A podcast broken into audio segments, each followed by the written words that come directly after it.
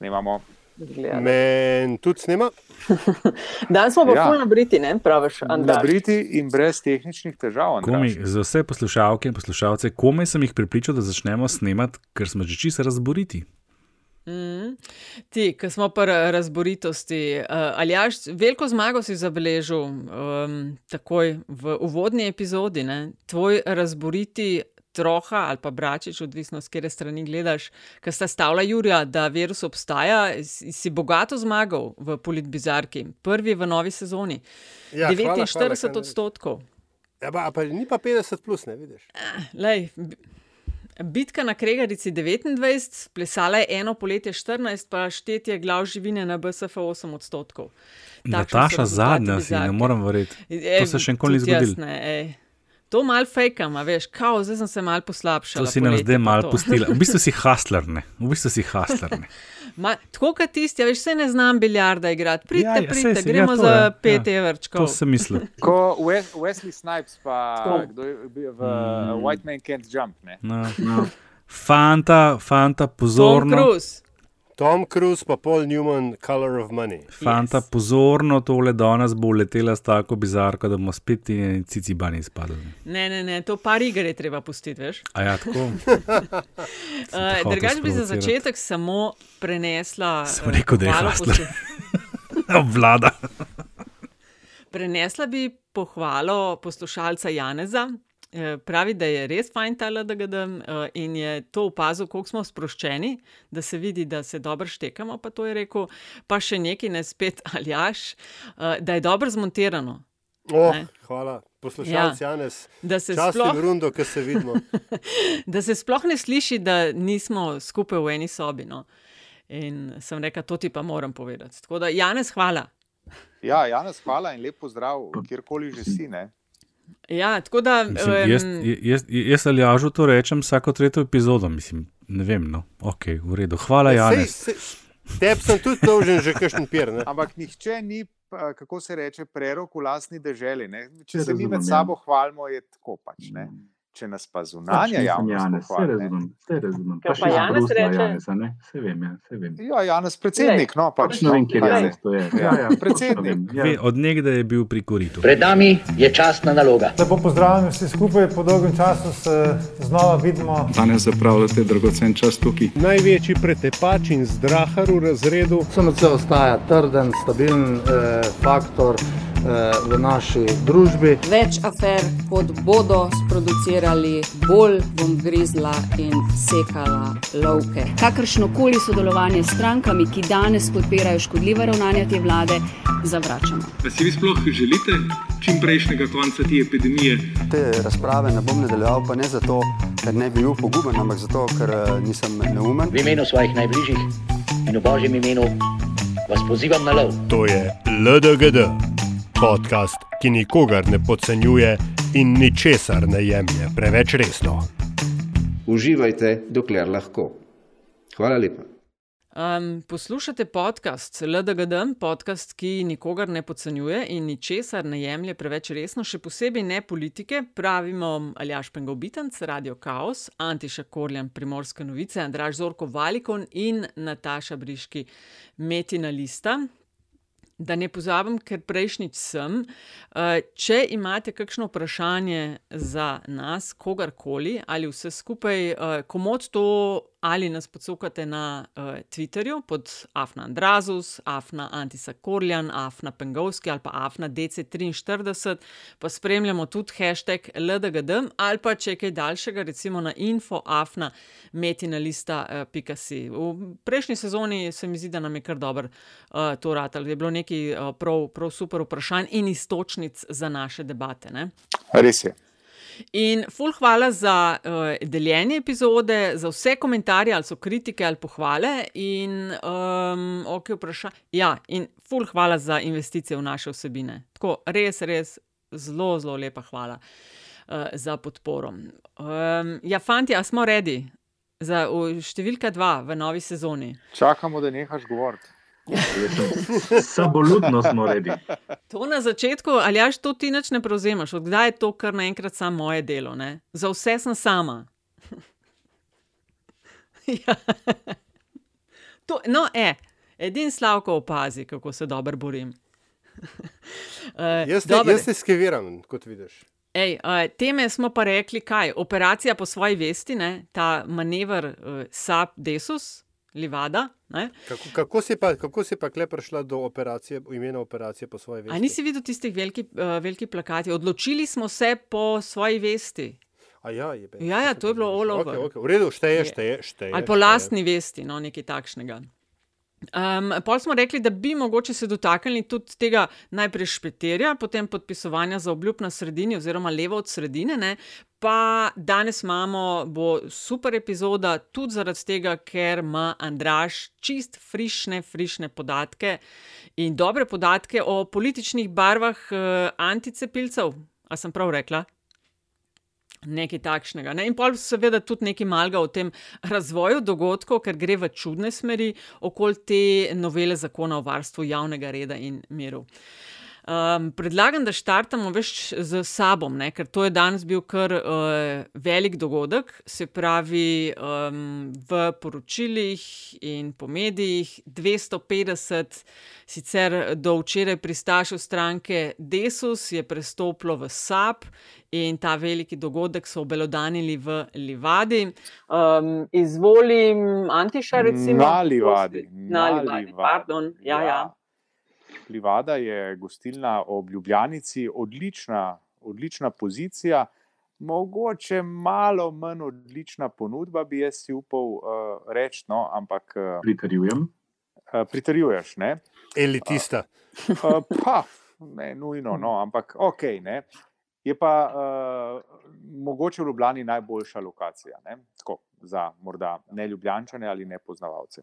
Neč nam ne dajo za sponzorstvo, tako da pet naprej. Uh, ja, sicer pa, sicer pa uh, ja, manevr na livadi, ne, ali kako si rekla, šefica. Operacija uh, po lastni opera, vesti. Tako, uh, ja, je, v bistvu je to nekaj, kar se je. Uh, torej, to je veliko zadoščenje Alenke Bratušek, se mi zdi. Uh, Alenka Bratušek je še v času uh, Cerarjeve vlade, ko je bila tam ministrica in je bil minister tudi Karl Javc, uh, kar ambiciozno posegala v ta breku, uh, bazen, voli, voli, volivni bazen Desusa, ne, kar je takrat, kdo se spomni, kdo se pa ne, ga bomo pa spomnili, Karla Javca odneslo pod strop in takrat je moral. Uh, Miro Cerar, je bil, ne, je bil, ne, uh, Erjavc je bil, se upravičujem, lapsus, lapsus, lapsus. Uh, se pravi, uh, uh, Marjan Šarec je moral uh, miriti strasti na obe strani, zato ker bi se uh, Bratušek in Erjavec verjetno potovkla. Takrat je bilo tako direkten upad uh, z neko idejo, ne spomnim se čisto dobro, kaj je že bilo, o višanju pokojnin ali nekaj podobnega. In takrat je bil Karl Javc neskončno užaljen zaradi tega. Ne? In zdaj pač uh, se je stvar pripeljala do Livade, po Ljubljani, iz Vrhnike dol do Livade. Sam po mojem se mi zdi, da nisi bil delež od resnice, ko si prejle uh, ta, to obdobje z Mirom Cerarjem. Ja, vlade, še enkrat lapsus in se upravičujem. To, to že za ta konkreten incident, ne? ampak uh, hm, ekskurzije v upokojensko volilno bazo so se pa pri sabo v bistvu začele že ravno v tisti kampanji 2014, ko je Alenka Bratošek še nastopala kot proforma predsednica vlade. Ne? Eh, in so potem ravno s tem pivotom v smislu više pokojnine in ne vem kaj, nekaj blazno um, ne neoliberalnega, ne? uh, nekako prelezli čez unaj 4 odstotke in že takrat ne, se je nekako nakazovali, da oni vidijo glih v Prdesosu uh, svoje na, naslednje lovišče glasov, ki očitno je to zdaj kulminacija tega. Ne? Lahko gremo še en korak nazaj. Um, SAP je nastal, kot vemo, kot neke vrste recidiv pozitivne Slovenije. Um, stranke, ki je tistega 12. leta dobila večino na volitvah, predvsem zaradi tega, ker je volila starejša populacija, med katerimi je kar veliko upokojencev čeprav je bil desus vedno stranko upokojencev, pa ni nikoli pritegnil toliko glasov upokojencev kot naprimer zmagovalci volitev 2008, 2011 in 2014. Tako da meni se zdi to dosta taka naravna pot. Jaz mislim, da so v SAB zelo pametno ugotovili, da, da je to pač en zelo velik bazen voljivcev, ki roko na srce zadnjih deset let odloča volitve, razen 2018, ko pač niso več pristali na, na obraz. In so to nakazali že tudi pred časom, kot sta oba omenila. ne. Zelo aktivno so se ukvarjali z njimi, potem se je LMŠ, že v opoziciji, hotel malo temu preklopiti, pa jim ni uspel. Če se spomnite, so imeli tudi oni neke poskuse nagovarjanja upokojencev, ampak mislim, da je bil SAP do takrat že preveč notorane. In tisti predlog njihov o brezplačnem prevozu javnem se jim je kar, se jim je kar posrečil, mislim, posrečil. To je pač zelo konkretna stvar, ki jo upokojenci zelo konkretno začutijo in roko na srce, spet še drugič danes. Ne vem, če je Desus v 15 letih kaj tako konkretnega za upokojence naredil, kot je bil ta ukrep, oziroma ta, ta, ta kaj je to zakon, se ne vem. Uh, tako da, a veš, ne, zdaj pa če damo k temu zraven pa še to neko tako podjetniško žilico, ki jaz le začutim. Ne, to, kar se je zgodilo, mislim, ali že si ti ta izraz uporabil v naši konspirativni komunikaciji, sovražni prevzem. a Ne? Pa da ne bo narobe razumljeno, ne, ni nič sovražnega, je, ampak vemo, kaj pomeni sovražni prevzem. Nekdo začne kupovati delnice na skrivaj, da lahko potem prevzame nekoga. Ne? In tle so točno to izvedli, in to mene pa malo spominja na uh, te strateške, pametne, modre, kako koli obrnemo z vidika pač stranke, poteze Jana Zdrnovška in kako je nastal LDS. Ne, LDS je nastal v bistvu na ta način, da je ZSMS, liberalna stranka takratna, uh, prevzela tri manjše stranke, če se dobro spomnim. Ne, Socialistično stranko Slovenije, pa ko je še bilo, še ne dve zraven. Nekaj tasga, ne? Nekaj Socialisti, male- socialisti, demokrati pa zeleni. Ne. Tako, evo, no, vidiš. Ja. Ne, so, veš, formalno je bila sicer združitev, ne, ampak No, seveda- ja. No, se, se ve, ne, če, če, če se en velik, pa en mehen združita, koliko je to združitev. Ne. V glavnem me to zelo spominja na to. No. Tako da se mi zdi tudi z tega vidika dost uh, modra poteza, politično gledano, ker to je v bistvu edini način neke, neke uh, koncentracije politične sile, ki pa ni zgrajena samo na tvitih, pa na zapisih na Facebooku, ampak na stvareh, ki bojo pa uh, par mesecev pred volitvami res štele. Ne, in, in, in to so pa seveda lokalne, lokalni odbori, terenska mreža, komunikacija z ljudmi na terenu. Ne. To ima SD, tega LM še nima, zdaj SAP dobiva to in to je zelo jasen pokazatelj, kam gre to, a ne, kam, kam, kam ciljajo. Ne. No, tukaj si mi dal uh, lepo istočnico. Jaz bi opozoril na, uh, na velikost tega dogodka danes skozi številke. To je sicer ponavadi tvoja domena, Andraš, ampak veste, 250, 250 mm. članov ene stranke v Sloveniji, ne, da se pravi, to so ljudje, ki so člani stranke, ki plačujejo članarino, ki so aktivni v svojih uh, občinskih odborih. Ne, da 250 takšnih ljudi prestopi, to je, a veste, to, mislim, to jaz si ne znam predstavljati, to je ogromna številka. Ne? Ti, a si ti znaš predstavljati, kako bi to izgledalo, če bi se bi to SMC-ju zgodil? Imeli bi, imel bi minus 180 članov. Minus 180 članov, ja. Ne, impresivni so bili tudi, a veš, tele z avtobusi so jih vozili uh, na Livado. Ne? Prvič, za kontekst, ne, v Sloveniji rabiš 200 ljudi, da ustanoviš stranko. Tako da 250 uh, prestopov naenkrat je, je, to je res ogromen.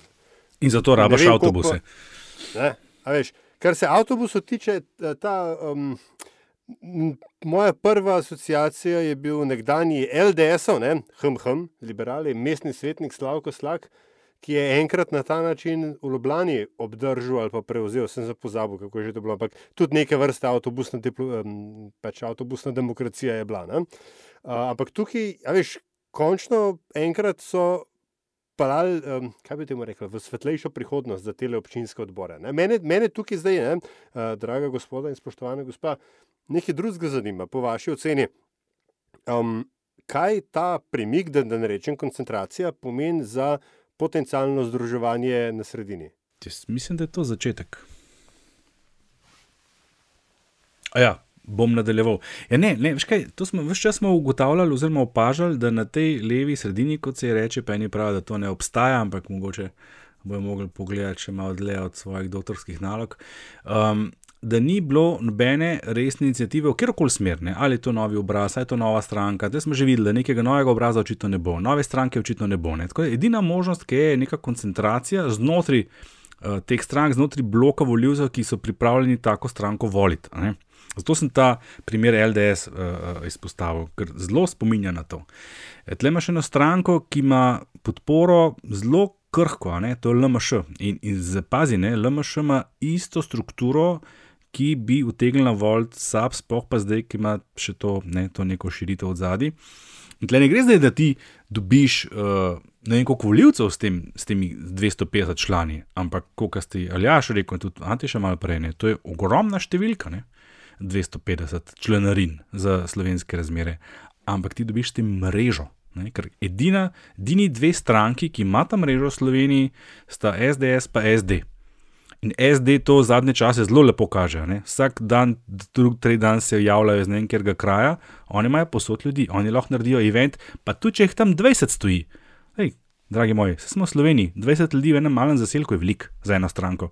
In še nekaj je, ne? signal je to. Signal je uh, vsem ostalim, potencijalnim partnerjem in tudi političnim nasprotnikom, ki vprašanje, če bodo kdaj partnerji. Ne? To je signal, da pač je to stranka, ki je v enem trenutku uspela nagovoriti tok in tok ljudi, da gredo, bi rekel, z nogami glasovati nekam drugam. Veste, In to lahko še koga spodbudi, ne? ker zdaj delujejo kot veliki zmagovalci SAP, ne? totalni vojni dobičkari, če gledamo na propadanje Desusa in SMC-ja že zadnje leto. In ko smo se sprašvali, ne, kam bodo šli tile ljudje, ki so podpirali te dve stranki. Mm. In Desusovi so, a veš, tile od SMC-ja, od LMŠ-ja, to so prepišni, ne? danes tukaj, jutr tam. Uh, danes me je. Ne... Ja, ne, sem to sem hotel reči, da tele, to so pa upokojenci, to so pa tile voljivci, ki hodijo na volitve ne? in dobili so bojevnike na lokalnih ravneh. Vse to ne je zdaj 250 poslancev, ampak ti rabaš, mislim, SAP je imel kratko klop. Ne? In s temi ljudmi so dobili uh, na različnih koncih, evo tudi v Kočevju. Um, ljudi, ki bodo delali za njih na predsedniških, na parlamentarnih, na lokalnih, ne, ki jih imamo vse naslednje leto. Ja. Danes me je ena kolegica vaša vprašala, če je to pogreb Desus. Sem rekel, ne, pogreb je že bil, to je sedmina. In, in Bratuškova je bila prva v tej gostilni, ironično, res v Livadi, ki je to poštekala. Ne. Zdaj samo vprašanje, kako bo šlo to naprej. Ali bodo uspeli razširiti nekaj... to še na, na, na druga področja? Ne. Že nekaj časa govorimo za SAP, da pametno igrajo. Ne? Pa ko je šlo za tiste, a veš, posvete pri Pahorju, ki sta jih dve stranki levo od sredine zavračali, pa ko mm -hmm. se niso zapletali ali pa izletavali z raznimi stvarmi. Jaz, mis, ali si ti, Antiša, rekel, ali Andraš ti, jaz mislim, da bo imel LMŠ največ problemov s sabo. Seveda. To, to sem bil zelo verjetno jaz, glede na to, da je LMŠ upleten. ne, ampak to je čisto res. Mislim, to ni, da nima več veze s tem, kar mi ljudje učitajo zadnje čase po Twitterju. Mislim, to, to je dejstvo. Volilna baza. Ja, kaj, ja, da sem obseden s šarcem, pa ne vem, kaj ja. se. Ne, ne, nisem. Ne, okay, bom, a, a lahko še tle na glas povem, zakaj, zakaj to počnem. Zato, ker so vsi obsedeni z desnim populistom, bom pa jaz vsta čas kazal na levega populista, ki mi gre lihko na živce, ki mi gre od desni, sem z levim, se noben ne ukvarja. Eto zato. Okay, no, da nadaljujem. Ja. Ne se prav, ful, hvala, da si mi dala to priložnost. Uh, volilna baza LMŠ je popolnoma enaka kot je volilna baza SAP. S to razliko, da je bistveno manj zvesta, ker SAP je pa vendarle že, že celih deset let ne, na sceni. Že celih deset let na sceni in je preživel dva vhoda v parlament z zelo, zelo, v bistvu je od 2014 do 2014, ne, ja, ne, zlej, leta epidemija, to kar gre. Ne. Ampak, veš, oni, oni nimajo te zvestobe, ki jo pa SAP vendarle ima. Veš, SAP ima tistih 5-6% in še nekaj bom pozoril. SAP je zadnje dvakrat prišel v parlament. Uh, Potem, ko so jim ankete kazale 0,5 mm -hmm. do 1, mhm. zdaj jim kažejo 5 do 6, to je mm -hmm. bistvena razlika.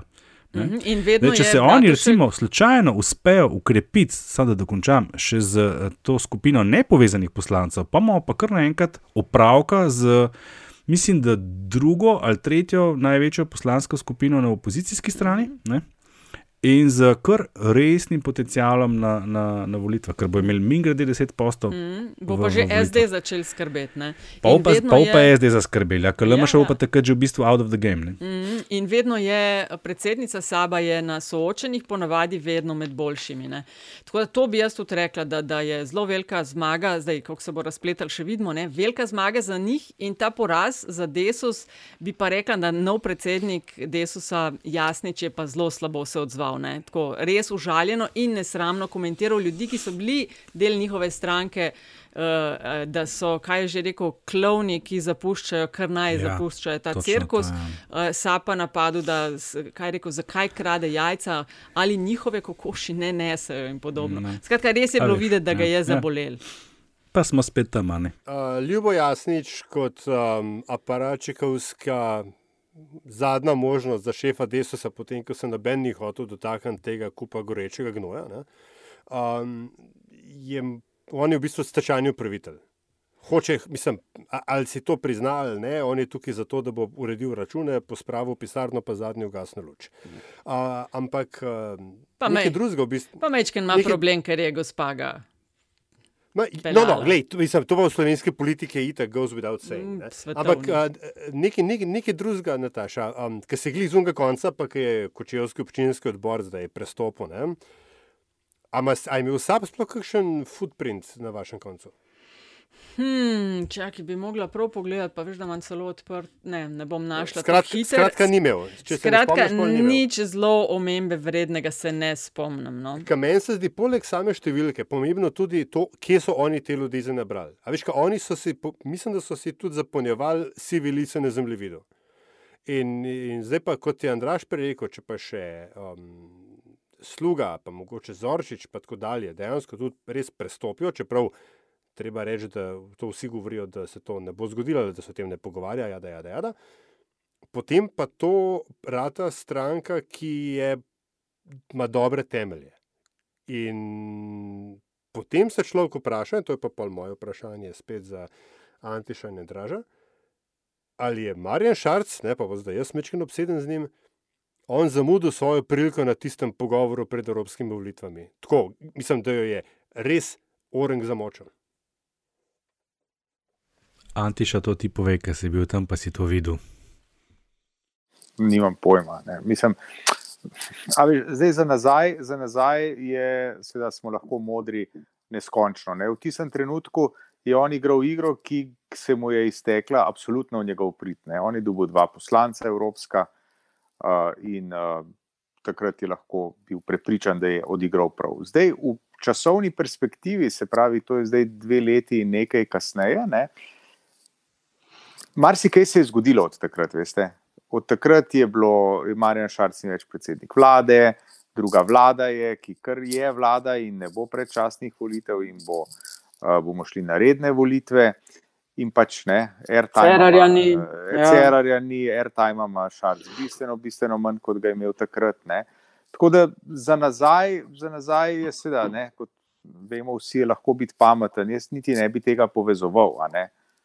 Aljaš, jaz pa bi, to, jaz pa bi. Odgo... Ja, jaz, jaz veš, ne bi. Ne, ja. Mantiše, ki si izpostavljal bi bilo, dolge nosove. Bilo, če bi bilo, ne? Kaj sem? A ne, ne, ne, ne, ne, ne, ne, ne, v drugo smer razmišljam. Meni se zdi pa to en takrat, to je dobro, ali jaš izpostavil. Ti si takrat govoril, nam pozabil.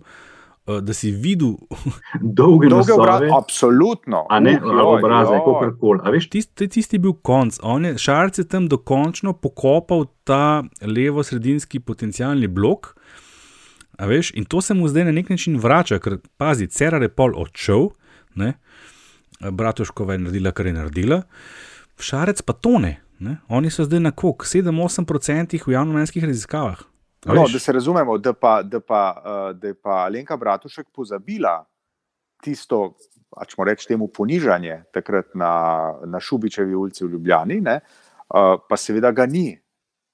Veste, ona tega ni pozabila in to je in seveda, in še kdaj, eh, tudi ne na zadnje, če hočete, ne, eh, ko, je, ko sem prej govoril, ko je Šarc utišal kot dva šolarja, eh, njo in Karla Rjavca, ne, ki sta se pač bongala okrog upokojenskega nagovarjanja upokojencev, ne, seveda tega človek ne pozabi ne, in v pravem trenutku izstavi račun oziroma pač ne, triumfira, ima trenutek zadoščenja.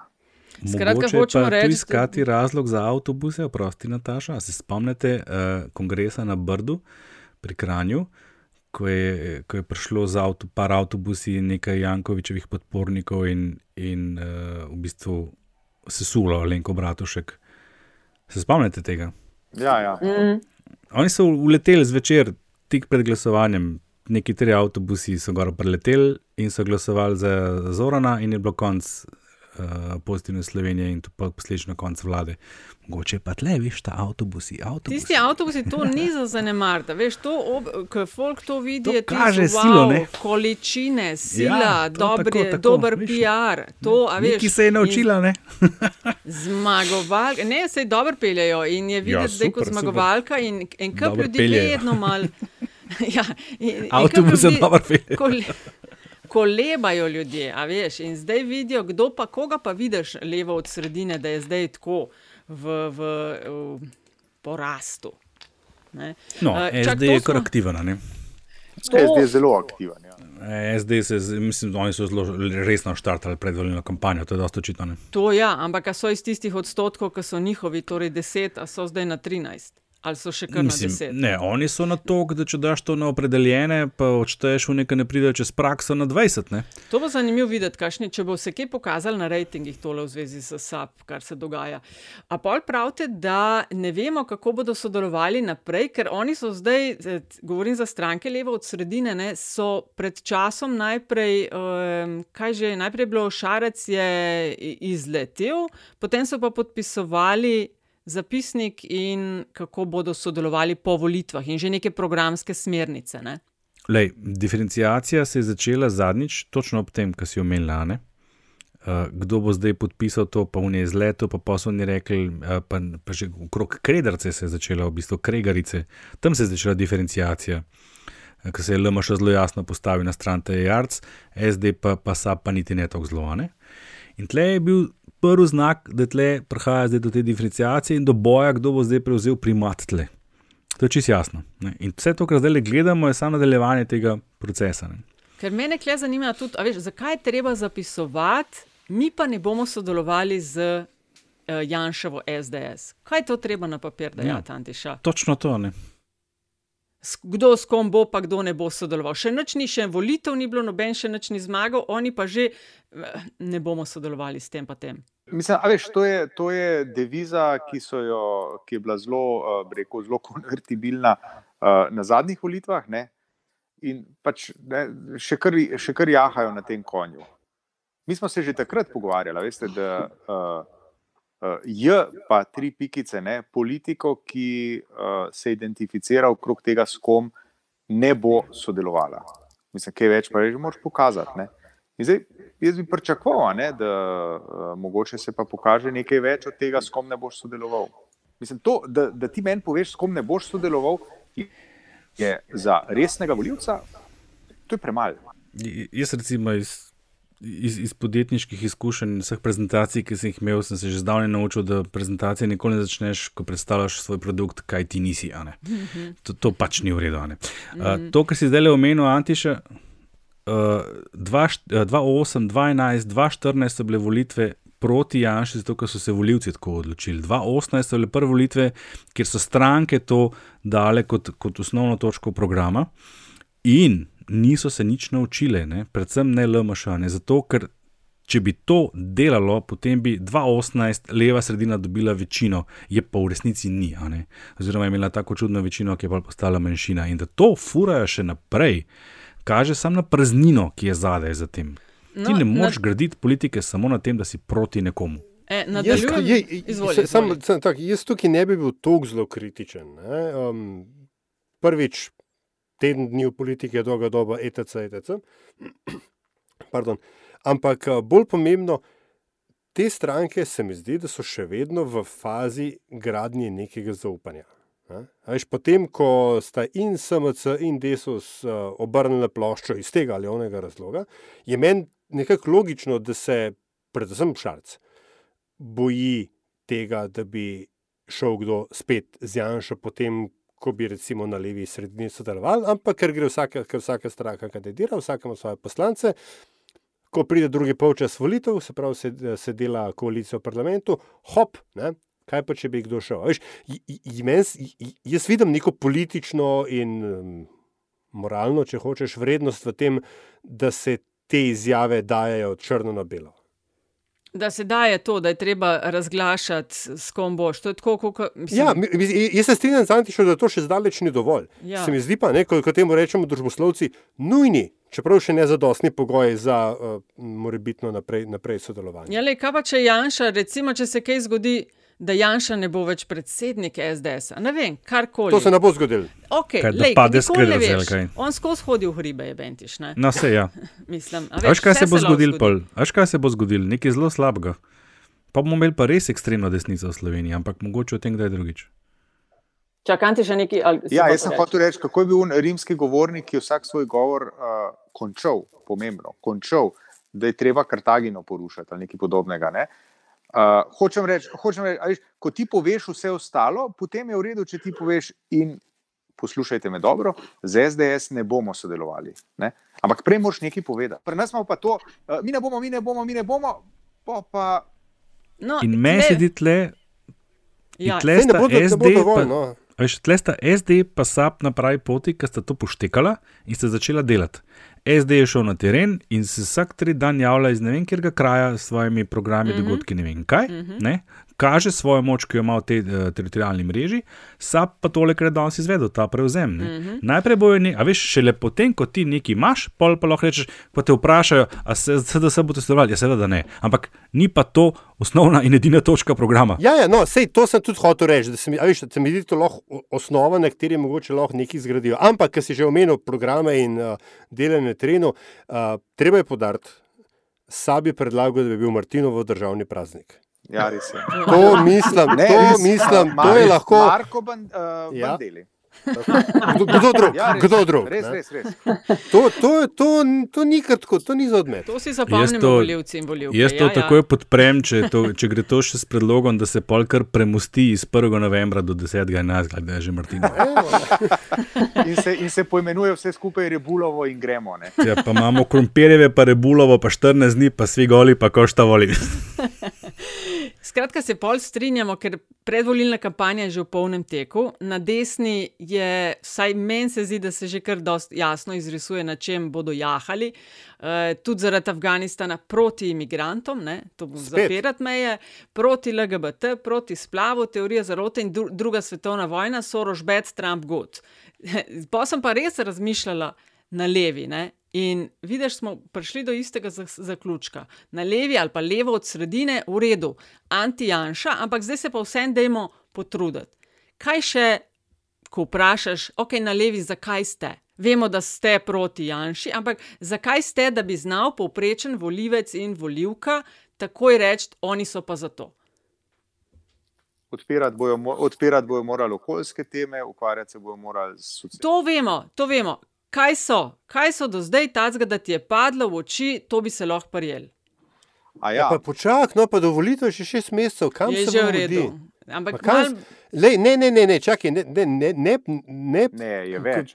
Ja. No, ja, no, vsaj šest mesecev, ampak ja, osem. A veš, ne zdaj, ne zdaj eh, stvari, eh, mislim, kako že, don't put the cart ahe- ahead of a horse.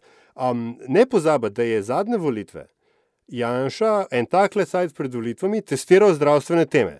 Oni, oni so imeli AB testiranje, nič se ni parjel. Pa so pa kar naenkrat ugotovili, da so migranti na južni meji, ne, ki so potem čudežno zginili dan po volitvah.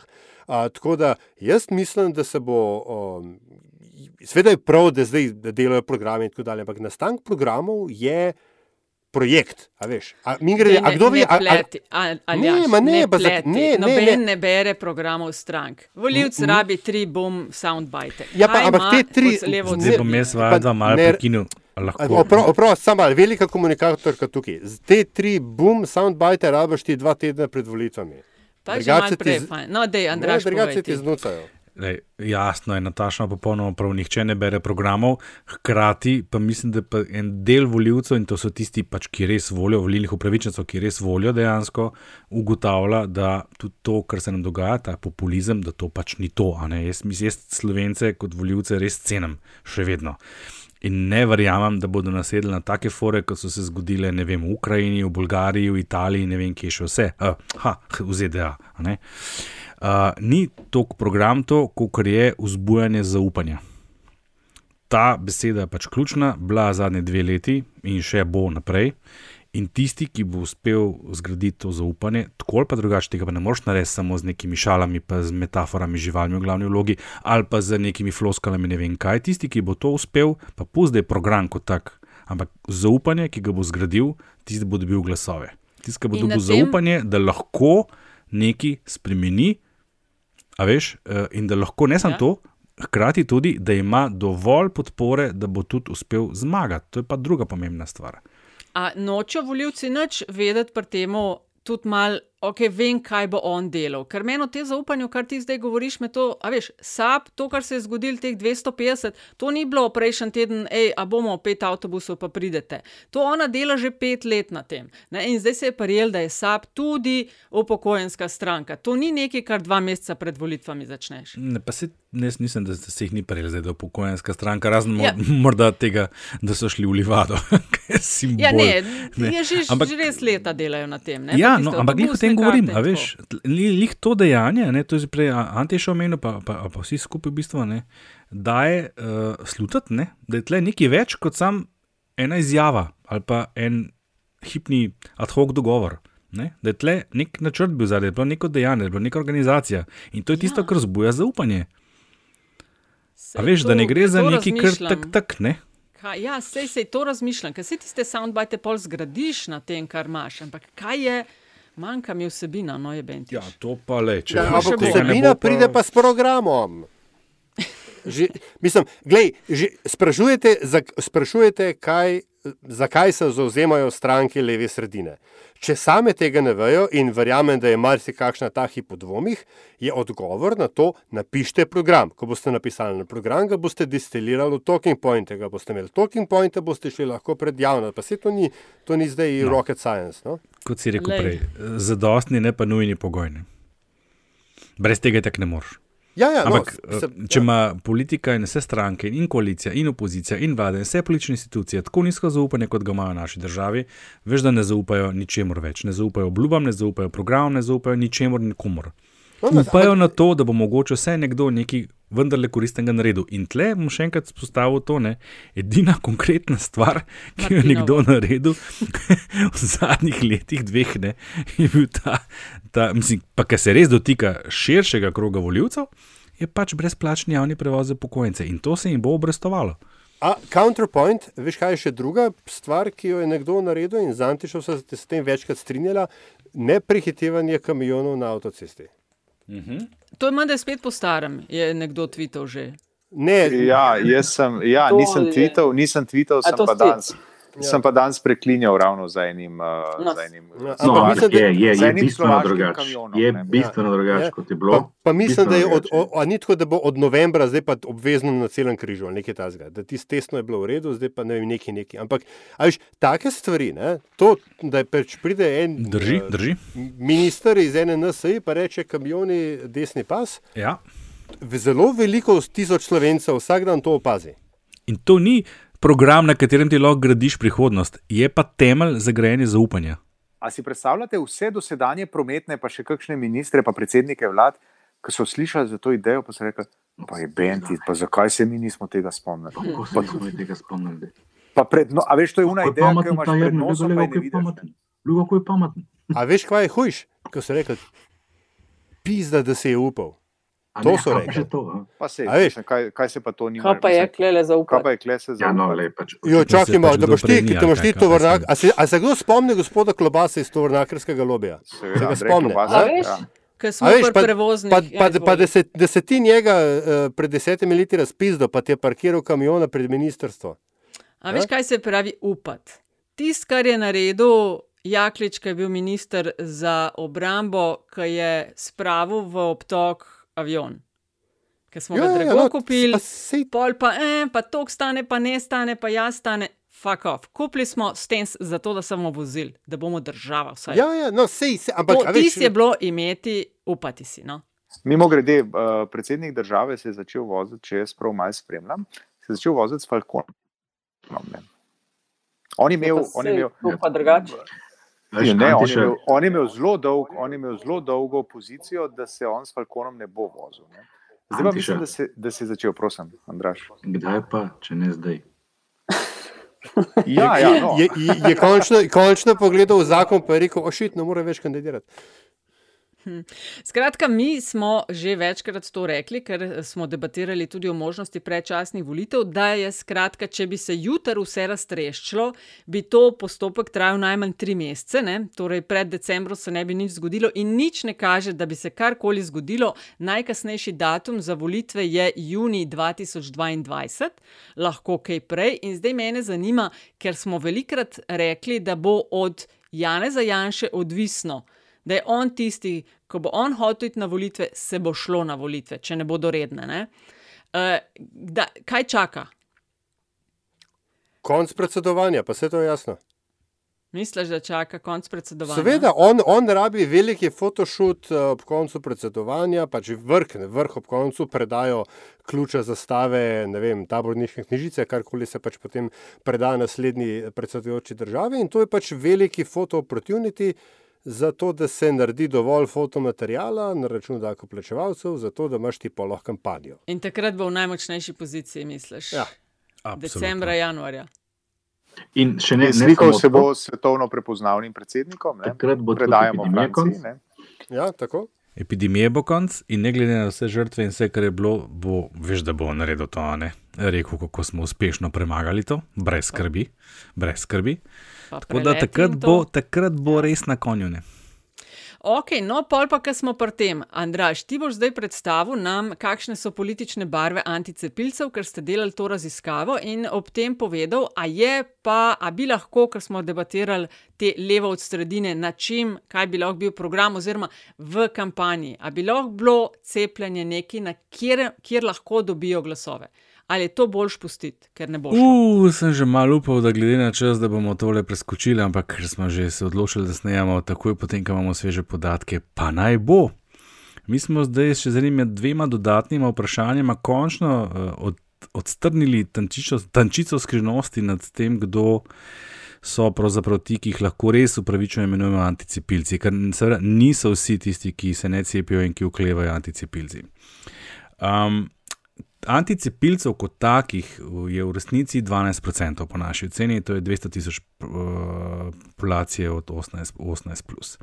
To smo dobili skriženjem dveh vprašanj. Zagotovo se ne bom cepil in zelo sem proti cepljenju. Se pravi, in dejanska deklarirana namera in stališče do cepljenja. Ni nobenih presenečenj, kar se tiče demografije, samo še bolj poudarjena je generacija Y, vsak drugi 35 ali 36 do 45 let stari. Uh, rahlo več žensk, to smo opazili že prej. Že prej. Politično gledano so pa uh, opredeljeni tako, da so neopredeljeni. Oni so res v bistveno večji meri, to pa ni zdaj samo par odstotnih točk, ampak tako orang veliko več. uh, Ne opredeljujejo, ko jih vprašam, ne levo, leva sredina, ne desna, desna sredina, ampak rečejo, jaz sem neopredeljen. Še enkrat več kot med vsemi ostalimi je takih, ki na volitve načeloma ne hodijo. Skratka, to so anti-anti. Antisistem, antipolitika, antiznanost, anti vse. Karkoli boš ti rekla, bo on rekel, ne, to ni res, jaz imam dokaze, da to ni res. To je, to je ta skupina, ki lahko rečemo anticepilci. Teh je 12%, niso vsi taki kot Troha in njegov trop, tisti je zelo radikalno, radikalno krilo. Stranke, ki stopajo tle, so pa SNS. SNS je edina parlamentarna stranka, ki ima izrazito podpoprečen delež uh, precepljenosti, vse ostale stranke, od desne do leve, imajo nadpoprečne odstotke. In zanimivo, ne, ali pa tudi ne, ne presenetljivo, so pa, to, tam, so pa tam pojavljajo še, pa čeprav imamo mehano vzorce, ampak je tako očitno, da se res vidi. Veš, vse tiste čudne stranke, ki pridejo na volitvah, pa slišimo pred njih, pred, za njih samo pred volitvami, pa pol, v glavnem bolj več ne. ne. Stranka slovenskega naroda, stranka za zdravo življenje, ali kaj je že bila, stranka unga nacionalna, ne vem kaj, zedinjena Slovenija, Šiško, Troha. Gas. Uh, ja, itd., itd. Vsi, vsi ti, ne, tam, tam, tam je jedro anticepilstva. Ne, to je, to je, ja, ja, dom in podobne. To je ta, uh, lahko rečemo, skrajna desnica, to je ta anti-establishment desnica, to je ta desnica, ki se je zgodila v Ameriki, ki so jo toliko časa vsi malo zapostavljali. In to, če se je mene tle v bistvu pa zdaj strah, zakaj sem prej rekel, bog ne da dejansko pa res krederce, je to, da uh, SDS kot desna, populistična in do neke mere tudi res skrajna stranka vse te inicijative pusti pri miru, ker jim pa seveda ustrezajo, da so tam, ampak nekega dne jih utegnejo prerast. In, in uh, nekega dne bo mogel Janša potegniti črto ker so res nevarni, ker so militantni, ker so, ker so brez pameti, da besedno. In bolj, ko jih ljudje žalijo, hujš se bojo začeli obnašati. Ne spomnim sam na včerajšnji zažig zabojnika v Kamniku. To se že dogaja. Ne? In, uh, uh, jaz sem pa že kar malo zabredel. V glavnem, kar sem hotel reči, uh, to, da bi se zdaj cepljenje kot uh, motiv za stranke, tako ali drugačne, pojavilo na volitvah, se mi zdi to zelo verjetno. Uh, čeprav se že ustanavljajo te anticipljanske stranke. Prvi zato, ker jih je malo, drugi zato, ker je njim v naravi, da se skregajo z vsemi, torej se bojo skregali tudi med sabo. Oni ne zaupajo nikomor. Ne, ne zaumajo, ama baš nikomor. Ne. Če bo nekdo prišel in rekel, jaz sem zdaj vaš vrhovni anticipilec, in bo tam od zadnji pet, ki bo rekel, ne nisi. Ne. In uh, zato jih je tudi na vsakih volitvah 20 teh strank in ne pridejo niti blizu, nekateri niti tisoč glasov. Jaz mislim, da se tle vendarle ne bo zgodil kaj tasga, da bi se pojavil kakšen tak lik, ki je sposoben, saj ne še zaenkrat ne, ne. Druga stvar je, kaj se lahko to... zgodi kasneje če sam dovoliš, da končam ali jaš, ja, ja, uh, ni tako problematično, kaj se s tem dogaja zdaj, ampak kakšne posledice bo to pustilo v naši družbi v naslednjih nekaj letih, morda celo desetletjih, ker tle prihaja do ene kar dosti hude segregacije. Uh, Uh, jaz že vse čas govorim, da je epidemija isto kot vojna ali pa lakote. Uh, in če je epidemija isto kot vojna, lahko na nek način govorimo o državljanski vojni 2.0, s tem, da ta ni med levi in desni, ampak je med cepilci in proticepilci. In bolj, ko bodo ti odrinjeni na rob, manj kot jih bo, bolj, ko je potisnjeni v, v kot, bolj bojo agresivni, bolj bojo militantni. In če se pa zgodi kakšen razpad te populistične desnice, kot jo imamo, in se pojavi vendarle nek slovenski Trump, ne, pa imamo pa res problem hočem reči, to, kar gledamo danes, ni še nič proti temu, kar se lahko, zgo, lahko zgodi čez par let. No, uh, lahko ali pa, pač, uh, ali pa ne, ne, v končni fazi. Treba je biti pripravljen na te ne? stvari. Je pa res, da smo ja. enega tazga, ki je znal to populacijo nagovoriti in jih pripeljati na volitve. Imeli 30 let nazaj. In so ga pospravili. Mhm. Ja. Bolj sem Ampak, tudi iz tega, izvolite. Oprosti, na začetku hotel sem v bistvu to, se pravi, ok, 12% je antivakserjev, to. Tega ne moreš doseči, če sem te prvo razumel. Ja, in še kaj zanimivo je tudi ta odstotek zelo podoben deležu, pod katerega je padla cepljenost proti ošpicam, se mi zdi. Mislim, da je padla pa 90. Ne, ne, ne ni. Ja, Precepljenost. Šlo, no, tam nekje okrog. Ampak, ja, ja. Anyway, ampak ja, no, to je to. Moje, moje vprašanje je bilo, uh, kaj pa so Ne, angliški izraz je vaccine hesitant, se pravi tisti, ki se še oklevajo. niso ja, cepili, ja, pa oklevajo. Kako je pa, kaj, kakšna je tukaj razporeditev?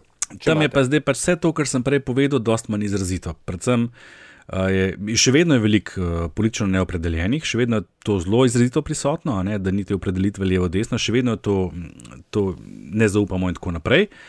Um, niso pa radikalni, to je ključna razlika. Te demografije so podobne, se pravi, generacija Y, o tem sem že večkrat govoril, starost je to, kar sem prej omenil. Uh, bo pa ta skupina se skrčila v naslednjih dveh, treh mesecih. Uh, en del njih zato, ker bodo ugotovili, da vendarle se bolj pametni cepet, pa da to res ni taka neumnost, kot drugi govorijo.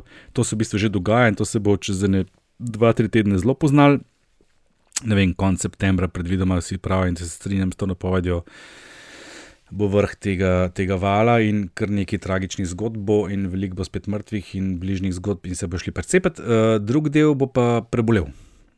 Uh, in bodo tudi počasi nehali s tem okrog mahati. Tako da ta del ni, to so, to so posebno, za razliko od njih, ki sem prej v njih govoril, v redu, normalni ljudje, ki jih je pač strah ali pa imajo malo mal preveč vpliva z Facebooka, kako koli.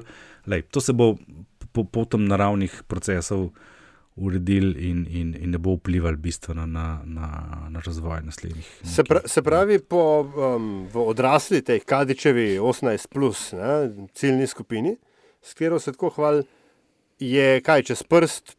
85 odstotna precepljenost, slash prebolevnost, nekako zgornja meja, ki jo je sploh moč doseči. Mislim, prebolevnost, prebolevnosti bo više, ker se bodo tudi skrajni anticepilci ja, okay, ja, fair okužili. point, ja, fair Ja. point. Ne, mi smo zadnj, na zadnje, ta vikend smo opazili prvič uh, uh, neke vrednosti, glede na mere, ne, ki so prebile tisto, kar smo zadnje tri mesece gledali. Nočem še govoriti, da je to to, kar ni značilna razlika, ampak je pa trend pozitiven, se premika, absolutno se premika. In gre proti, da je pa zdaj pa že tam 70 posto, sem napovedal do konca oktobra v Adult, ne 18, plus, je zelo verjetno. Ker bo ta efekt bo, bo naredil svoje, a veš. Uh, mm -hmm. No, jaz gledam zdaj te podatke na tej evropski strani, um, ki meri precepljenosti v državah EU. Recimo, ne. In lej, za EU povprečje trenutno, zdaj govorim za 18, plus, ne, čistko da bomo vedeli, 9. september, z en odmerek je za Evropo povprečje 77,3. Slovenija je en odmerek povprečen na populacijo 18 plus 56,5. Uh, z dvema odmerkoma je za EU na 18 plus 70,3, za Slovenijo pa 51,6. Mhm. Trenutno. Mhm. Ne. No, jaz, Plus jaz, pre, jaz, preboleli in tako. ja. jaz predvidevam, da bo ta 56, ne, ta prvi odmerek, da bo šel do 70 še letos, absolutno, Mhm. no, če ne že pred, pred Božičem. No, sem pa razmišljala, eh, ko sem prej omenila cepljenje, če bi to znalo biti na uh, volitvah uh, Antiša, če je to nekaj, kar bi lahko kot uh, rokovanje naše vlade, države z cepljenjem, ali bi to lahko bilo nekaj, kjer bi tile levo od sredine dobivali točke, ali je to boljš pustiti prgmah? Pač naše številke, mi smo pod EU povprečjem, vem, uh, smo že zadnjič malo govorili o tem, da vzhodna Evropa, južna ima težave s temi stvarmi, ampak vsem smo zelo pod povprečjem. Ne? Ali bi to lahko bilo nekaj, in ne vem, da so oji prvi val in gor dol. Odvisno, veš kaj, odvisno eh, v veliki meri, po mojem, od tega, eh, kako daleč bo epidemija v trenutku, ko bodo nastopile volitve oziroma predvoljivna soočenja. Jaz mislim, da je to ključno. Ne?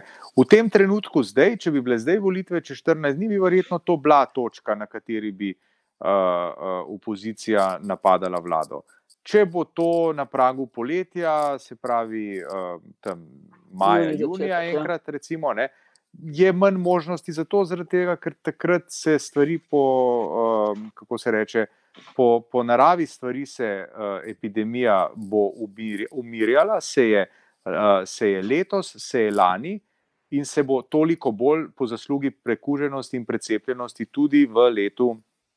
Uh, se pravi, 2022. Ne? In takrat bo to vprašljiva deviza, uh, na katero bi veljalo staviti. Ne? Mhm, mhm. Kaj, kaj, pa, kaj pa obratno, da obrnemo logiko tega vprašanja?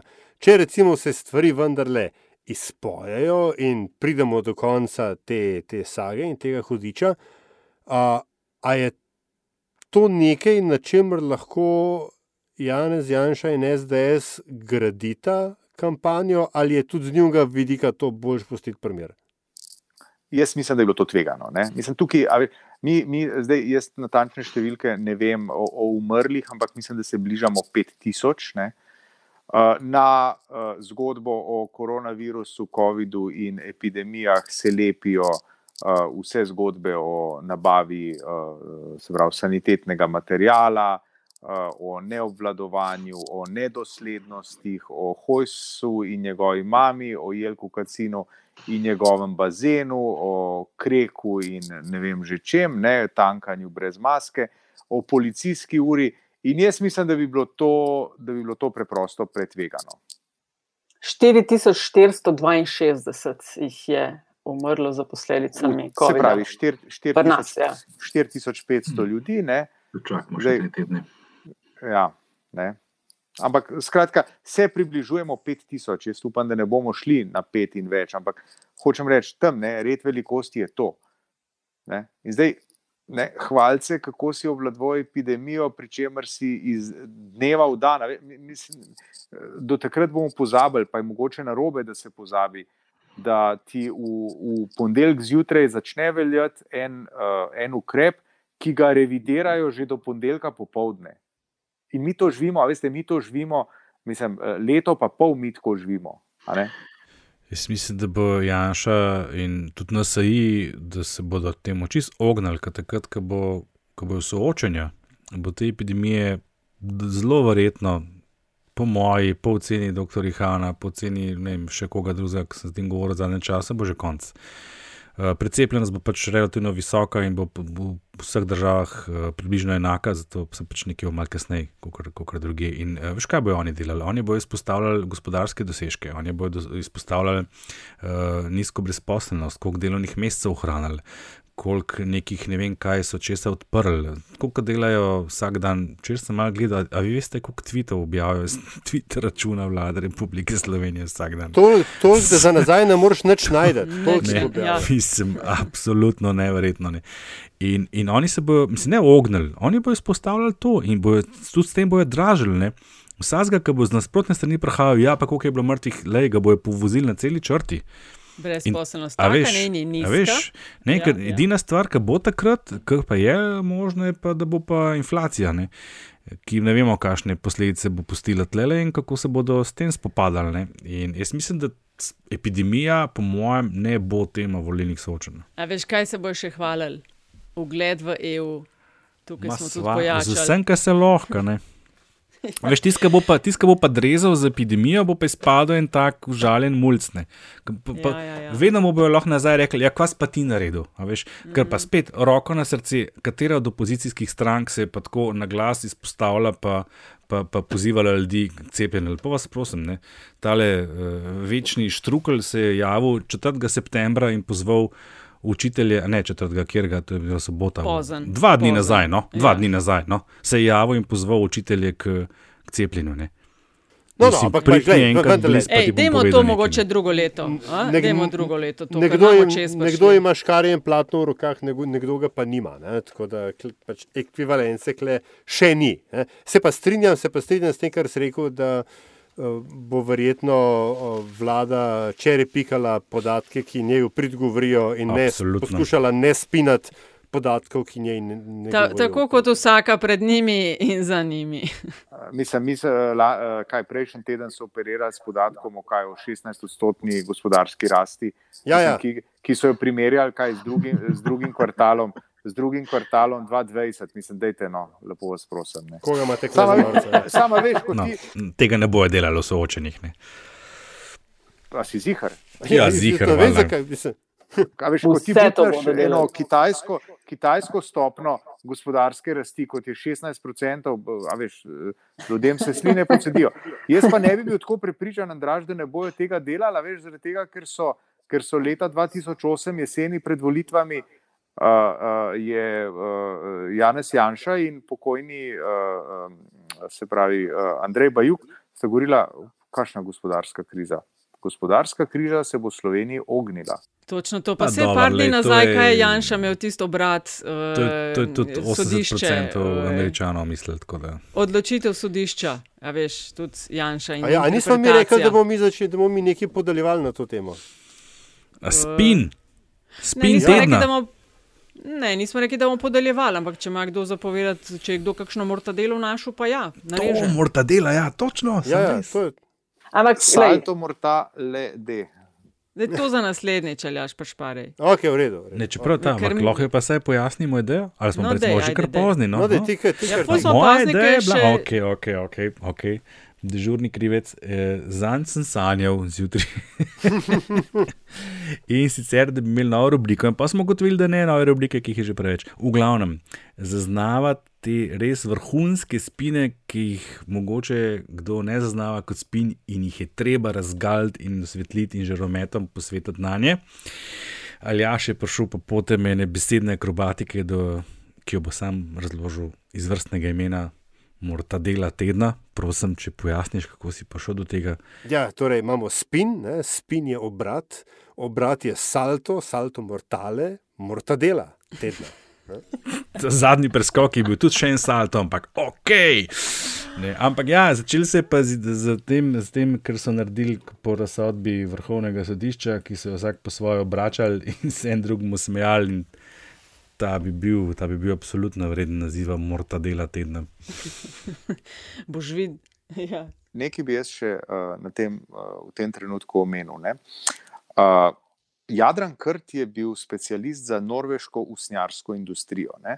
Mene pa zanima, kako smo kaj s tekstilno industrijo. Ti, jaz sploh ne vem, kaj bi temu rekla. ne. Pričemer To je že pa trkajo, Ata. Že trkajo popraševalci no. po keramičnih izdelkih. Še s tekstilom nismo To opravili. imamo mortadela tedna, to je pa Ata in imamo mortadel celega sveta. Skratka, v akciji smo od, mislim, da je ideja padla maja lansko sezono. Da bi pa natisnili uh, majice. Poslušalcem smo obljubili nekaj v prejšnji oddaji za to, na to temo. ne. Jaz tudi Ja, že parim obljubili, obljubili smo in izvajalci meni tudi obljubljajo, ampak pol je bil pa grafičar na dopustu, pa je prišel nazaj, pa tehničarja ni bilo, pa pol se z ne vem kom še in pa pol majice niso prišle, zaradi tega, ker so težave z dostavami. Uh, tako da je bilo prejšnji konec tedna, da bo že zihar, pol je pa zdaj na zadnje, da pa ta konc tedna. Tako da zaenkrat so to podatki, ki jih imam, ampak ja, v tekstilno industrijo smo se vrgli, uh, dali smo narediti, no upam, da bodo res, uh, super majice. Kratki t-shirti, super message gor, uh, in uh, bomo, bom priobčila to na social in vse povsod, takoj, ko bo možno to naročiti. No. Ker ipak moramo zbirati denar zaradi ZJRM, ne, zakon o varstvu javnega reda in miru. A, rabimo še kakšno sekundo o tem govoriti, to je bila, eh, govorim seveda o tem planiranem kaznovanju, vkolikor bi šlo za um, nedostojno vedenje do najvišjih predstavnikov države, se pravi od 500 do Jurija, pol so to najviše predstavnike ali až uh, Spremenili v kar vse, ne? Vse, ja. Splošno Vse, šlo. ampak po je šlo, po pol je to neko čudno smrt storil na odboru, ki je Grims kar prekinil sejo, ne, da bi se karkoli zgodilo in je obvesel v zraku. Zdaj pa zadnji amandma, da to seveda vse velja za vse, da se žali katera koli skupina na teritoriju Republike Slovenije. aha, Ne? No, Ali pa skratka, posameznik, nič- ne? nič ni Ne. iz tega, no. Skratka, ja, ne, mislim- ne bo, mislim, pejte na e- stran od pravne mreže. Ne, eh, čakaj, eni, eni to berejo, predvsem kot da se vnaprej uh, se pripravlja teren za kaznovanje žaljenja imigrantov. ne. Veš, kad, kad, tako je napisano. Veš, skupina zunaj teritorija Republike Slovenije može, ne. skupina v Republiki Sloveniji ne može. Oziroma obratno, če je nas, po, tej, po tem predlogu, če na Mauriciju srečate predsednika vlade, svobodno. Ne. No, zdaj, uh, po udoru na RTV ne, je policijski minister rekel, da če pa kaj, pa to zdaj kaže na to, da je treba zaustriti zakonodajo in prakso uh, z področja varovanja javnega reda in miru. Tako da morda pa stvar vendarle še ni čisto pokopana, čeprav jaz mislim, da to um, ta uh, razvodenitev, če smem tako reči, da zdaj pa vsi smo lahko snežinkice in smo prizadeti in se tožimo. Ne, eh, eh, med sabo, rekel, itak je Slovenija vela za kverulantski narod. Ne? In zdaj, eh, ne vem, no, mislim, zdaj jaz se nekako nagibam k temu, da bo stvar vendarle razvodenela in ne bo Ja, prav mislim- velik iz tega. Storila bo žalostni konec. ne. Ker v končni fazi vlada nima večine, dajmo ne pozabiti. Um, ali bomo šli v smeri proti politbizarki, ali bi še kdo imel kaj zapovedati? Aha, dobro. Um, zdaj pa bi mogoče Aljaš lahko štartal. Oh. Anti še zadnji, ki mora nabrati si kazni. A, Kje smo pri politbizarki? Smo? Politbizarka, skratka, piči. Moja, moja politbizarka je um, en in edini uh, presenečenje evropskih volitev, um, evropski poslanec Franz Bogovič, ki je kot sovoditelj uh, okrogle mize o uh, neki o ribah, je bilo, uh, sem pozabil. Uh, Je gledal v iPad, ki ga je imel uh, podstavljenega, da je bil pod pravim kotom, lepo zadaj je bil zataknjen marker, um, in vs, podložen z med drugim tudi knjigami, na katerih je ena od knjig imela naslov Crimes Against Humanity, ampak vse skupaj je pa kronala ena velika rola skret papirja, na kateri je vse skupaj stal. Uh, in Ta je bila dobra, ta je dobra. Kar je, kar, mislim, vse to je seveda še popolnoma legitimno, ne? ker boh ne dej, da bi kdo videl, na kakšnih, kakšnih setupih sem jaz že kdaj snimal, tudi ta podcast. Ampak da pa imaš ti PR-ovca, ki to slika in to objav, ja, svaka vam čast. evo. A lahko kar zapremo. ja, spet bo Serijski zmagovalec bi rad bil, lega, lega. Skratka, Bogovič se vklaplja s skret papirjem. Andraš. ne serije za ston. uh, jaz imam malo bolj, v bistvu, meni ni tragično, se ni Ben umrl, ampak govorili pa so, da je. Ne vem sicer, koga ne zdaj za to obdolžim, ampak če ste spremljali tole, tole uh, prerekanje o tem, ne prerekanje, ampak ugibanje, ali je umrl, ali je intenzivni, ali je sploh živ, ali je sploh bil okužen, v glavnem domnevni umrli 19-letni maturant, uh, za katerega se je razširila najprej govorica, potem je uh, svetovalec, kaj že Čirič, v to javno omenil neki vdaji, potem je menda o tem govoril tudi poklukar, uh, potem je celo Janša o tem govoril, če sem prav videl, da, da, da ni res, da je sam na intenzivni v glavnem. Uh, cel, ta, cel ta dogodek, vse to, kar se je dogajalo ta dva dni, je bizarka, seveda sama po sebi, ki pa bo naredila, po mojem, res, res, res, res veliko škodo. Um, za vse, kar bi si človek želel, da se ne zgodi v naslednjih nekaj tednih, treh. Joj, zakaj sem tako črnogled? Ja, Ja. Ja. Si začutil. Ti bom pol povedal, zakaj. Ja. A polka nam več snimali. Aha, okay. um, jaz imam pa to kajenje pipe miru pri Pahorju. Um, več kot 250 dni je, ko vlada UKOM ne poravnata finančnih obveznosti do STA-ja. Zdaj res je, dva meseca zadnja sta bila mirna, zadeva je stala, nekaj je bilo treba narediti, da se stvari premaknejo z mrtve točke. Tako, v redu se mi zdi, da je predsednik Pahor oba direktorja povabil na kofe. Skrajno bizarno pa to, da je ob vseh zakonih, ki jih imamo, to sploh potrebno. Jasni so zakoni, pozivi iz EK, tako da pravna država pa taka. To je moja um, bizarka, pipa miru pri Pahorju. In, in jaz, se bom, jaz se bom navezal na te, Nataša, in bom samo drug pogled na to dal. Ne? Namreč uh, uh, to, da smo očitno v družbi, ki je tako impotentna, oziroma država tako impotentna, da se more predsednik države ukvarjati z eno tako stvarjo. Ne? No. Kaj s tem? Aj treba kaj reči o tem? No? Ja, pa si to sem jaz rekla, zmisel si nekaj drugega. Ja, A si jo ta razdelila bizarko na pol? ja, mislim, en bo imel pipo, en pa miral. kva. To, um, no, Um. skratka, idemo dalje. Ne, drugač bila pa bizarka z pozitivne strani, tam se te zabavne, ne, pa ker se mi zdi to proto-bizarka, je pa točno to, o čemer smo na začetku govorili, ne, spopad za livado. Spopad za livado se mi zdi. Jaz mislim, da ta mora biti, not, veš kaj, vržem tisti ven, ker ti se res v bistvu zelo ja. žalosten. In, in dajem na, na, na, na glasovanje spopad za livado. To se mi zdi bizarka, preprosto zato, ker, ker, ker je res smešen, da ti prevzameš ne vem koliko delegatov, narediš njim brk. Tega jim res ne bi bilo treba narediti, v resnici ne. Uh, predstavitev v gostilni, ki so jo oni imeli kot simbol svojih zasedanj, na kar druga stran odgovori, kako že vsaj 250 članov imate. In tako naprej, in, in, in, tako- in kaj klovni, in kaj si še prej omenil, Aljaša. Skratka, smo takoj padli do neke te besedne čudne dvoboje, ki, ki res ne pritičajo. Uh, Sem, to je super, da prevzameš pol, po- prevzameš pol stranke, pa dobiš oštarijo za povrh. Lej, Ni je loše. In pridružujem se tistemu, kar je Antiša povedal na začetku, ne davno nazaj sem bil tam, sedemko. Uh, hrana zelo poprečna, cene nadpovprečne. Prav, Ne vem, kaj imate vi, kaj imate vi lokacije. pred vinršniclo, no? Ma, s, eh, ja, v redu. Ja. Za tisto, kar dobiš, ne. Not value for money, ampak ne, lokacija je pa le, lokacija je pa. Ja, ja, lej. Ni In najlepša, Ljubljana je pa ena lepših. Ja. Zadnje rubrike v podkastu LDGD in to je zadnjih 30, ko ima vsak od nas fiktivnih 30 na voljo, da pove, kar pač se mu zdi. Kdo se počuti, da bi štartal? Jaz bom, Jaz bil- jaz bom, jaz jaz bom, jaz bom, jaz bi bil bom zadnji. Jaz bom, jaz bom, jaz bom, jaz bom. Bom. Uh, a nisem bil že zadnjič prvi? Ja, dobro, Tako kot v šoli, še enkrat. Iz zadnje vrste je zakričal. Jaz bi se sam rad zahvalil v zadnjih 30 uh, virostatiku, Afnight Virostatik. Um, ne vem, ali nas posluša ali ne.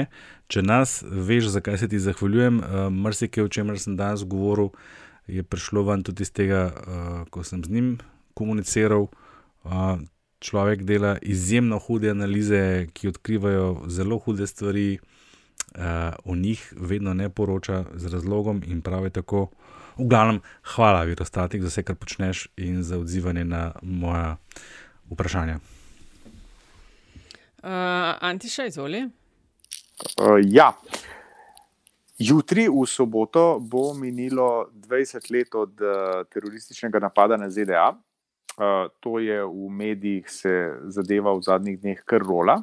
Je pa na Netflix prišla v minulih dneh, uh, mislim, da je petdelna serija, ki se imenuje Turning Point, uh, ki, uh, ki analizira tisti dan, kaj je do njega pripeljalo, in tudi kako, uh, kako so se dogodki odvijali po 11. septembru 2001 in kaj je ta datum, ta dogodek prinesel v razvoj zgodovine v zadnjih 20 letih.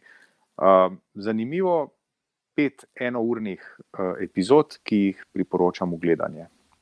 Um, jaz pa imam dve stvari, ki jih priporočam za vse fene, da ne bo ni vedela. Uh, najprej, če šlo mi vas, Netflix je objavil prvi del pete sezone super serije Money Heist, uh, kar se mene tiče ene boljših serij zadnje čase. No, ob tem pa, to je pa super najdba, hvala Barbara, toplo priporočam še vrhunski podcast The Lazarus Heist od BBC World Reporta. Gre za serijo zgodb o prevarah, gamblanju, kriminalu, ki se meri v milijardah in cyberzločinih, ki jemljajo sapo. Serija se začne v Hollywoodu, odlično raziskano, super pripovedujejo in razkrivajo povezave. Če se spomnite, ko so leta 2014 udrli v sistem Sonja in so v javnost prišle zaupne informacije o številnih zvezdnikih, ali pa štale okrog filma Interview, Seth Rogen je igral film, v katerem sta tabloidna reporterja intervjuvala Kim Jong-una. Pa pol je tretji primer, veliki rob Bangladeške banke pred leti. No, na čelu vsega naj bi bila skrivnostna skupina Lazarus, severnokorejski cyberbojevniki in to je podcast o njih, The Lazarus Heist, top zadeva. No, zdaj sem pa še jaz. Um... V času, ko ste ta podcast potegnili dol, če to počnete takoj, ko pride ven, uh, uh, bom jaz eh, na poti v Švico. Uh, in to zato, uh, ker je, se bo tam odvijalo od nedelje dalje Evropsko prvenstvo v krlingu skupine C. In če boste imeli pet minut časa, lahko seveda, uh, in spodobi se in pravično je, da podpirate slovensko reprezentanco, ki je ena od favoritk, da se uvrsti v skupino više, v skupino B. Če boste imeli pa še dodatnih pet minut, pa lahko podprete in navijate tudi za luksemburško reprezentanco, kjer bom pometel in kam ne metel tudi jaz. Oh, wow. Wow. No, zdaj pa, če nadaljujem to rubriko priporočil serij, jaz bi pa priporočil um, dokumentarc, ki je bil ponedeljek ali torek, se mi zdi, kako se je začelo v Afganistanu. In francoski dokumentarc je bil super, super razlaga, kako se je vse skupaj začelo in zakaj. Res je, jaz sem ga že nekajkrat gledal, da je res zelo zanimivo. Res, tako prav vse ti postane jasno. Ne? Ja, res je. Mm. Okay, boš povedal naslov. A to je on top uh, tvojega virostatika? A ni bil ti to že na začetku? Ne, bil, ne, ja. ne, ne, ti si bil zadnjih 30, to je zdaj rubrika priporočamo serije. Pa, a ni, A, daj, nismo zmenili, da imamo novo rubriko. Čakaj. A se nismo zmenili tega? A. Ja, no. Joj, pa brez Ja, zamere. čak, čak, da vzame ta folder. Okay, no. Pa brez zamereno. Pa brez zamere. To je bil LDGD. Hvala, ker nas spremljate. Eh, Za tekstilne zadeve obveščamo eh, in se vidimo, kaj če, a, slišimo, pardon, čez dva tedna.